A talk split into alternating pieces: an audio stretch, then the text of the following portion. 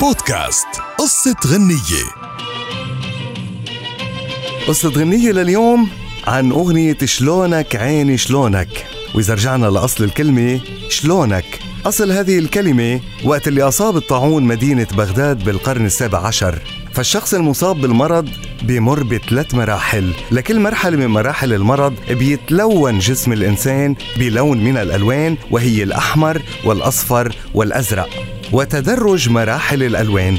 أول لونين ممكن أن يشفى المريض إذا أعطاه الله عمرا هيك كان يقولوا. أما اللون الثالث فهالمرحلة هي بتكون المرحلة النهائية والموت المحتم. فكان الناس يسألوا عن الشخص المصاب إذا كان جيران أو قرايب عن لونه. فإذا كان أول لونين كانوا يدعوا له بالشفاء. أما إذا كان اللون الثالث فيسألون له الرحمة من الله تعالى ويقولوا فلان شلونه؟ وهكذا استمر هذا النوع من السؤال لدى العراقيين وأهل بغداد بالذات.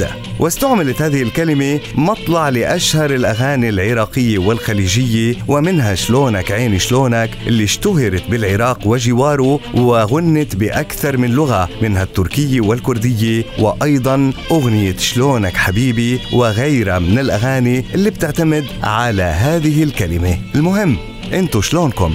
شلونك عيني شلونك؟ شمخل على جفونك؟ شلونك عيني شلونك؟